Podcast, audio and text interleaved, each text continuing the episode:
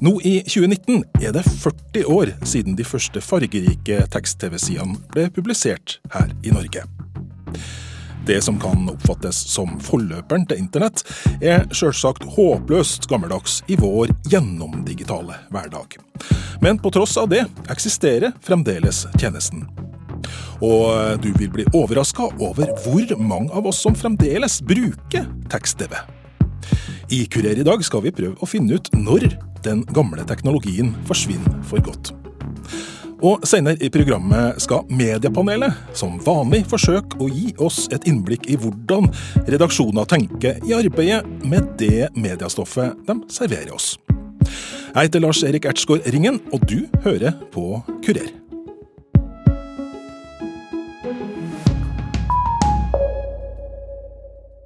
NRK har i dag utvidet sitt tilbud. Klokken 11 i formiddag startet prøvesendingene med tekst-TV. Sånn hørtes det ut i januar 1983, når Dagsrevyen fortalte at eh, de offisielle prøvesendingene av den nye teknologien tekst-TV var tilgjengelig for de som var så heldige å ha et TV-apparat som kun brukes til å lese innholdet, selvfølgelig. Men allerede fire år før den tid, i 1979, ble de første norske tekst-TV-sidene laga på NRK Marienlyst. Tekst-TV, som NRK driver forsøk med nå, sendes ut i en spesiell kode sammen med det vanlige program. Du får først presentert en innholdsfortegnelse over det som er å finne. Er det værmelding du er interessert i, så finner du den på side 131. Da kan du slå det nummeret på en fjernkontroll, og så har du værmeldingen der. Den står så lenge du vil. Det er altså 40 år siden NRK tekst-TV gikk på lufta for første gang. Da Christian Tollonen, som er analysesjef i NRK i dag, tok mellomfag i medievitenskap, skrev han en oppgave om nettopp tekst-TV. Ja, altså tilbake på midten av 90-tallet så skrev jeg på mellomfaget i medievitenskap så skrev jeg en, en eh, oppgave om eh, tekst-TV som het eh, Tekst-TV et interaktivt medium for oss alle. Husker du konklusjonen og hva det viktigste var i den oppgaven? da? Ja, Det er mye tåke når vi kommer tilbake til så langt som midten av 90-tallet. Men det handlet jo om at det var egentlig en slags sånn fattigmannsinternett. Tilgjengeliggjøring av nyheter til oss alle sammen, som vi kunne bla i og bruke på våre egne premisser istedenfor å måtte se det kringkasta, rett og slett. Det var jo kanskje forløperen til internett, hvis noen må strekker begrepene litt her. Det er kanskje ikke så lett å se at tekst-TV-ens 40-årsjubileum er en viktig markering. Men da de første tekst-TV-sidene ble laga på slutten av 70-tallet, så ga de oss vår første spede smak på den medievirkeligheten vi har i dag, hvor vi tar det for gitt at eh, vi har rykende ferske nyheter tilgjengelig til enhver tid når det passer oss. Og det er nettopp det daværende tekst-TV-redaktør i NRK, Olav Nilsen, beskriver i dette intervjuet fra 1983. Den viktigste fordelen med tekst-TV er at eh, seerne kan se nyheter når det passer dem. Det er altså ingen grunn til å få panikk hvis man ikke får se Dagsrevyen en kveld. Nyhetene i tekst-TV ligger ute fra 8 om morgenen til 23 om kvelden. 90 timer per uke. Man kan når som helst se på disse nyhetene eller den informasjonen som ligger der. Dessuten så er det et raskt medium. Det tar bare sekunder fra en nyhet foreligger her, til den er i Kirkenes og Kristiansand og andre deler av landet. Så koster eh, denne tjenesten ikke noe. Det går inn i den vanlige NRK-lisensen. Lyden av de travle Telex-skriverne i bakgrunnen av dette intervjuet minner oss om hvor lenge det er siden teknologien gjorde sitt inntog i norske stuer. NRKs analysesjef Christian Tollonen forteller hvor populær tekst-TV har vært, og hvor mange det er som fremdeles bruker sidene nå i 2019. Altså Hvis vi går langt tilbake, så var det jo en tredjedel av befolkningen eller så som brukte tekst-TV hver dag, sa de selv. Eh, altså var inne og så på et eller annet der. Um, så har det jo over tid så har jo tekst-TV gått nedover. Og det er særlig de aller yngste gruppene først, og så deretter de litt eldre, yngre gruppene at det er blitt færre. Eh, og nå er vi egentlig nede på et slags grunnfjell av tekst-TV-brukere, som vi nok er i all hovedsak er folk over 60, og litt mer maskulin enn feminin. Uh, men vi er jo fortsatt på et tall på rundt 7-8% av befolkningen som bruker det hver dag, sier de selv. Og da er vi på rundt 300 000, litt over 300 000 mennesker som bruker tekst-TV hver dag. Det gjør at tekst-TV fortsatt, og det er jo en morsom sammenligning som vi har brukt lenge, egentlig, og at tekst-TV er like stort som Twitter i Norge. De siste årene har eh, den jevne nedgangen i antall brukere av tekst-TV flata ut, og slik reagerer analysesjef Kristian Tollonen på akkurat det. Eh, jeg, kanskje vi skal si at jeg er bitte litt overrasket over at vi ikke har sett litt med fall i kurven akkurat nå. Eh, men som sagt så er det altså litt for kort tid å se på historikken på ennå, i forhold til at det stoppet opp litt nå i fall. Men nei, jeg er egentlig ikke overrasket hvis du snakker om medieutvikling. Fordi der, der er vi liksom litt tilbake til at det er aldri noen ting som har dødd ut. Og, og så er det én ting mediefolk elsker å snakke om, så er det jo nettopp det at et medie skal dø ut. Det er jo mange som har spådd eh, døden for både papiravis og TV kringkastet og radiokringkastet og sånn. Men de blir jo liksom ikke borte. De bare blir brukt mindre, og det er andre ting som skjer i tillegg. Um, så jeg tror at uh, sånn sett så bekrefter vel egentlig tekst-TV bare nettopp det at uh, det er ikke noen medier som dør av seg sjøl. Uh, de dør først når vi velger å gjøre noe med dem som mediebedrifter. Men hvem er de 300 000 menneskene som hver eneste dag plukker opp en fjernkontroll og trykker inn de tre tallene som får fram den sida de ønsker å se på tekst-TV? Tollonen forteller at det ikke overraskende, kanskje, i hovedsak er eldre mennesker. Men det er også en annen spesiell gruppe mennesker som er ivrige brukere av tekst-TV i dag. Hallo. Hallo, det er ringen fra Kurer P2. Ja, ja.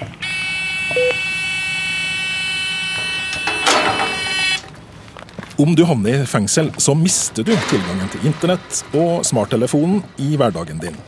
Og Det fører til at tekst-TV blir svært flittig brukt av innsatte i norske fengsel. Jeg tok en tur til Trondheim fengsel på Tunga for å snakke med Tore, som er glad i den 40 år gamle teknologien. Nei, Vi har jo tilgang på så mye internett og sånt. Vi kan jo ikke lese noe mye nettaviser. Det er eneste på skolesammenhengen at vi får til å gjøre det. Da. Så det er jo en supplement til vanlige aviser. da, blir det. Så det er mange ganger at jeg heller leser tekst-TV istedenfor å lese aviser. For det er mer landsdekkende. Og får med ting som skjer ute i verden og sånn. Mm. Altså, hvordan er det på? Altså, du har tilgang på, på tekst-TV på TV-en din der? Ja, ja. Det er en moderne TV. Det, sånn Flatskjerm-TV. Mm. Men hva er det som er de mest populære sidene hos deg, egentlig? Nei, eh, nei det er nyhetssidene altså, det går mest på. Så går jeg jo inn på en sånn eh, Dagen i dag da, av og til som kikker på. Der er det noen sånn ordtak, og så er det noen ting som har skjedd eh, før, da, som på den datoen. da, Og så er det sånn navnedag og sånn. så det er ikke så mye underholdning, egentlig, ja, men jeg bruker å gå inn på der av og til og kikke. da. Det høres ut som du leste deg ganske godt gjennom det meste som er der. Ja, og kalender er det jo litt kjekt å bruke den hvis en lurer på litt sånn men jeg har jo sånn papirkalender på cella som regel. Men uh, det kan jo være kjekt å slå opp og se hvilke dager som faller på den dagen. og den dagen. Hva er det du savner på tekst-TV? Været. Det er borte. Langtidsvarsel og sånn. Så det er både lokalt og for Norge. Da. Det har de tatt bort, dessverre. Tekst-TV-redaksjonen NRK Fjernsynet Herfra får 400 000 eiere av moderne tekst-TV-apparater servert 200 tekstsider hver dag. Sider med nyheter, sport, vær- og veimeldinger, aktualiteter, spesialsider og underholdning. Tekst-TV-redaksjonen er åtte mennesker som snart blir to til. Den sender ut nyhetene fortløpende. En side med en nyhet om en brann kan bli skrevet ut og sendt mange ganger bare i løpet av noen få timer ettersom brannen utvikler seg. Tekst-TV er raskere enn alle andre nyhetsmedier, radioen inkludert. Om vi skal tro denne reportasjen fra 1988, hadde NRKs tekst-TV-redaksjon ti ansatte som jobba med å fylle sidene med stoff da. Men hvor mange jobber i redaksjonen i dag? Eh, jeg heter Inge Torud eh, og leder en avdeling som heter Publikumsprodukter i NRK.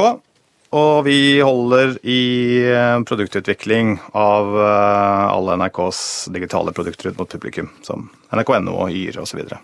Det er mange år siden NRK hadde en egen redaksjon for tekst-TV.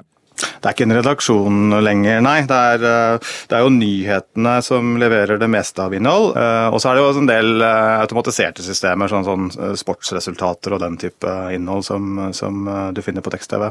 Eksempelvis nyhetene du leser på tekst-TV, det finner du også i tekstform på nrk.no. Så mye av det er kobla til, til andre systemer også, og andre plattformer.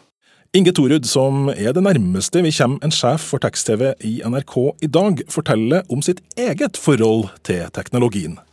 Jeg klarer vel ikke å huske første gangen, men jeg husker jo at jeg har brukt tekst-TV. Eh, og det var nok primært eh, nyheter da jeg eh, brukte det, men det, jeg klarer ikke å si for hvor mange år siden jeg, det var sist.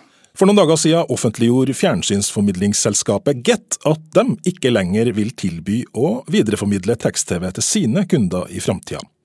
Vil det påvirke framtida til NRKs tjenester? Nei, jeg tror ikke det at Get um, slutter å ha tekst-TV på nye dekodere nødvendigvis gjør stort utslag på de tallene vi har. Så jeg tror at vi, eh, vi må vurdere det som, som vi har gjort, eh, uavhengig av hva Get gjør der. Om vi spør Inge Torud, som altså leder utviklinga av NRKs publikumsprodukt, om hva som må til for at det blir vedtatt å skru av tekst-TV, svarer han slik. Vi ønsker jo å være til stede der publikum er, eh, samtidig som vi ser at vi klarer ikke å gjøre alt vi ønsker.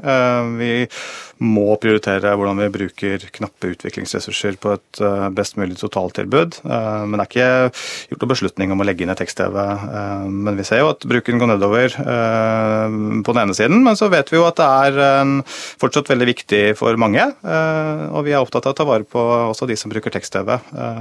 Så tror jeg at vi har andre og bedre måter å formidle samme innhold på. Så deler av jobben vår handler jo også om å hjelpe tekst-TV-brukerne over til, til, disse tjenestene, og, altså plattformer, og passe på at vi tar deres behov på alvor. da. Men hva tror NRKs analysesjef Christian Tollonen om framtida for tekst-TV? Den er litt vrien, fordi vi har jo altså det, det, det, store bildet av mediebruk er jo at det er ingen medier som har dødd uten at noen har skrudd av. Uh, når det gjelder tekst-TV, da, sånn, så er, det jo, er vi jo egentlig litt der hvor man så en kurve som gikk nedover, slik at man begynte å spekulere i hvilket årstall er det vi vil se at det er 0% av befolkningen som daglig bruker tekst-TV. Uh, og det tallet var fortsatt ganske langt framme når vi så på det for to år siden. Altså Da snakker vi om type 2030 eller et eller annet sånt noe rart. Eh, men eh, så har vi jo sett at det tallet har stagnert litt akkurat nå. Da Så det er liksom litt sånn, da blir jo spørsmålet liksom, er vi liksom nede på det faktiske grunnfjellet av tekst-TV-brukere? Vil det noen gang bli færre enn f.eks. 5 av befolkningen som bruker tekst-TV hver dag? Um, betyr det at det faktisk rekrutteres inn nye tekst-TV-brukere fra 50 pluss-gruppa til 60 år pluss-gruppa? Uh, og det vet vi egentlig ikke svaret på, uh, så det må vi nesten vente og se på med dataene, hvis ikke, hvis ikke tekst-TV blir skrudd av før det, da. Så gjenstår det altså å se om vi kan feire 50-årsjubileet til NRKs tekst-TV-tilbud om ti år, i 2029.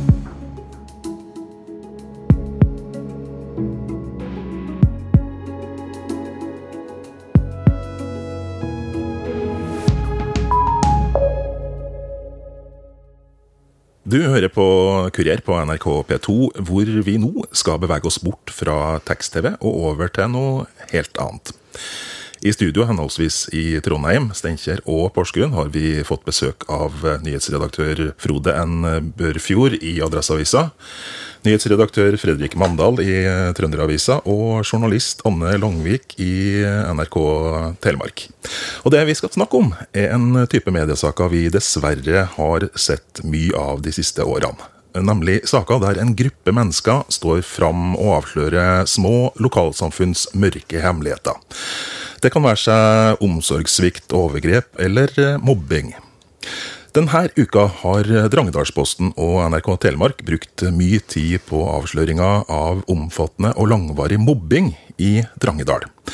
Blant annet har Cecilie Haugen stått fram og fortalt om hvordan det er å være mobbeoffer i ei bygd hvor voksne ikke ser ut til å bry seg. Jeg er veldig stolt av å være fra Drangedal, men ingen veit Drangedals mørke hemmelighet. De laga jo sang om meg på skolebussen på ungdomsskolen sang og klappa hver gang jeg gikk av på bussen. Bussjåføren eh, Det var jo andre voksne på bussen og av og til. Visste jo om det. Ingen sa noen ting. Anne Longvik, du er en av de journalistene som har jobba med denne saken eh, i NRK. Hvordan er det å ta tak i eh, sånne ting som det her? Jeg kjenner på at det er en viktig sak å ta tak i, og det er en vanskelig sak å ta tak i. For det er mye her som handler om kjensler, og vi offentliggjør navn på folk som kanskje kommer til å live med det vi har offentliggjort i resten av livet. Så, så det er saker vi tar på ytterste alvor. Er det at det er snakk om følelser her, det som kanskje gjør det litt vanskelig? Nei, det er jo ikke bare det, men det er jo eh, ting som har skjedd i, i lang tid, og det det er vanskelig å kunne bevise. Eh, det det er mennesker involvert på alle sider som har gjort eller ikke gjort jobben sin. Eh, så det er mange dilemmaer knyttet til slike saker. Ja, Hva slags etiske problemer må du vurdere i forhold til det her?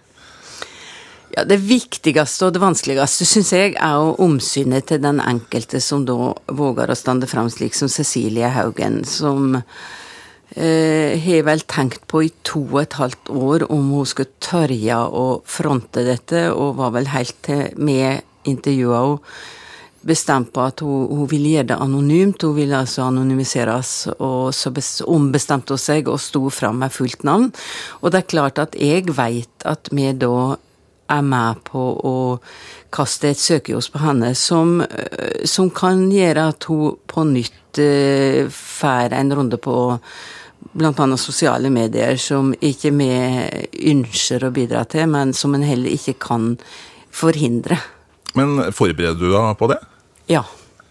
For det syns jeg er noe av min viktigste oppgave. Jeg skal gjøre deg oppmerksom på at hvis du nå står fram, så skal jeg gjøre alt jeg kan for at du skal bli framstilt så godt og balansert som råd, men du må være budd på at eh, det kan, du kan få slengbemerkninger på sosiale medier, du kan få meldinger på telefonen. altså og jeg eh, let alltid i slike saker intervjuobjektet få høre igjennom og i dette tilfellet så var advokaten hennes i studio på Borgåsen, TV-studio på Borgåsen og så igjennom TV-saka, slik at jeg iallfall skulle gjøre alt jeg kan for at hun er sikra at det som kommer ut, er det hun gjerne vil ha ut. Mm. Fredrik Mandal, det finnes jo mange slike eksempel på sånne saker. F.eks. den såkalte Tysfjord-saken, som kanskje er mest kjent. Er det forskjell på hvordan en journalist må tenke når saken er fra ei lita bygd sammenligna med et større sted, tror du? Både og. Jeg ble sittende og tenke på når jeg hørte på jeg hørte her nå at det, er, det, står utrolig stor respekt av dem som uh, står fram og forteller slike historier, samtidig som det står uh, journalistfaglig veldig stor respekt av redaksjoner og, og, journalister som tar tak i slike problemstillinger. For det er fryktelig vanskelig å ta tak i, men det er også fryktelig vanskelig å stå fram fordi at du skal alle lever vi i, i, et lokalsamfunn. Og om det er stort eller lite, så, så har du en liten gruppe rundt deg. og det, ja, det står som sagt fryktelig stor respekt av å, å ta tak i sånne saker. Frode Børfjord? Nei, så Først og fremst så uh, syns vi har vært eh, inne på viktige ting. fordi det handler jo også om hva er interessen til eh, barnet, eller til det barnet når det blir eldre også i den tida vi lever i nå, så ligger jo sånne saker på eh, sosiale medier til evig tid, og også på avisene. Men samtidig så er det jo sånn at uh, i noen tilfeller uh, Jeg var involvert for en del år tilbake uh, i den såkalte Arnar-saka, som du kanskje kjenner til. Det vil si det var NRK Brennpunkt som hadde en sak hvor en kollega av meg den gangen fulgte Arnar gjennom lang tid. Uh, og så hadde vi det oppe til vurdering i redaksjonen, og da endte vi opp med å ikke sende. Og så venta vi åtte år til Arne var voksen, og så ble det laga en film. Mm. Og det ble en sterk dokumentar? Det ble en utrolig sterk eh, historie. Og vi har også i Trøndelag hatt veldig sterke historier hvor vi har valgt å ikke uh, identifisere, og noen historier hvor vi har valgt å identifisere. Mm. Men hva slags grep kan man bruke for å gjøre folk anonyme? og funke det i små samfunn? Nei, altså vi kan ta eksempler fra Malvik kommune, den siste store mobbesaka der, hvor uh, gutten er anonymisert, mor og far er anonymisert, men uh, skolen er kjent. Uh, og det er klart at alle rundt den skolen vet jo hvem man snakker om. Samtidig så er det jo en avveining hvor alvorlig er saken. Og den saken var så alvorlig at vi valgte å å gå ut med den saken, men selvfølgelig da anonymisert. Men likevel så vet vi at i, sånt, i en sånn kommune så er det jo kjent. Og så er det jo slik at det er stor forskjell på at det er kjent i lokalmiljøet, men som du sier jo at at det er på nettet. Jeg har ei sak som jeg har opplevd en mann som kom Som jeg intervjua om et arbeidsforhold der han i et intervju til en ny jobb ble spurt om kreftsjuken til kona hans. Og det syntes han var helt utidig, og det var det selvsagt. Men han kom tilbake et par år etterpå og spurte er det mulig å slette det. Uh, og det er det ikke. altså De digitale sporene de ligger der. Og samtidig uh, NRK er jo uh, egentlig ofte anonymiserer med mer enn andre store riksmedier fordi at vi er nært lokalmiljø. og vi er ikke avhengig av annonsekroner, vi har lisens, vi skulle ta alle de hensyn vi kan ta. Men samtidig, slik som i denne saka, så er jo nettopp det at en sterk og talefør person står fram, det gjør at andre føler at det er lettere å stå fram. Du får saken på dagsorden på en helt annen måte.